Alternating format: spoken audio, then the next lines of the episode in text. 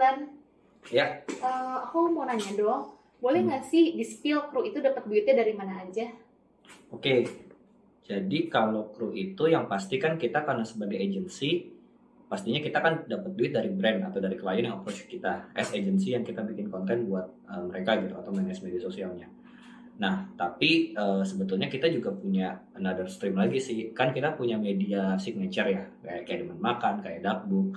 Nah, dari media itu kita kembangin sampai akhirnya kita bikin uh, atau punya business opportunity. Misalkan Darkbook kita bikin jadi lembaga bahasa gitu. Kemudian Demen Makan kita jadi endorse buat makanan. Nah, kita dapat uangnya dari sana juga gitu. Oh ternyata bisa ya kak, selain dari agency, endorse dan juga online shop bisa dapat duit dari media juga ya kak? Ya bisa. Bahkan sebetulnya kru itu kan emang rencananya nanti kita mau bikin license konten ya. Mungkin kita bisa bahas nanti soal license konten. Uh, sama bikin donasi. Ya kalau donasi semua orang udah tahu lah ya.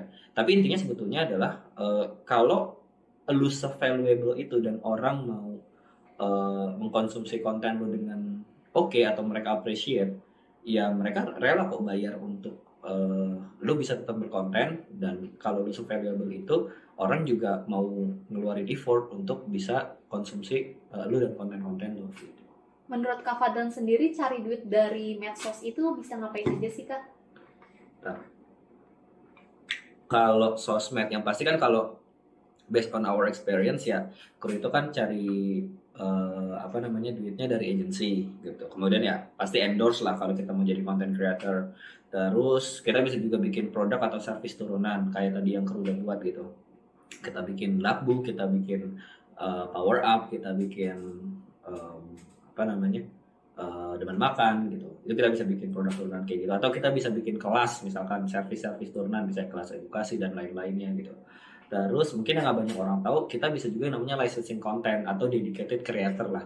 Jadi basically kita bikin konten tentang satu hal terus uh, ada brand yang akhirnya menggunakan konten itu untuk mempromosikan barangnya. Misalkan kita bikin konten uh, soal review sepatu gitu. Nah terus brand tersebut akhirnya menggunakan konten itu sebagai uh, commercialing kontennya itu bisa tuh kita dapat uang dari sana. Terus ya biasalah sisanya ada affiliate link gitu atau ya donasi or sponsor gitu mungkin kalau donasi istilahnya kayak nyawer ya kita bikin konten kayak di YouTube terus orang nyawer tapi kalau sponsor mungkin lebih kayak kita bikin satu hal atau bikin satu produk and then uh, brand itu bisa tag in uh, sebagai sponsor baik itu yang mendukung atau memang karena punya relatability gitu So uh, itu banyak sih sebetulnya cara bikin konten atau cara bikin uang dari konten gitu. Oke oke Kak Fadlan, terima kasih. Sama-sama.